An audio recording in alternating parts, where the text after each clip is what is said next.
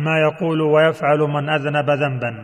يقول ما من عبد يذنب ذنبا فيحسن الطهور ثم يقوم فيصلي ركعتين ثم يستغفر الله إلا غفر الله له.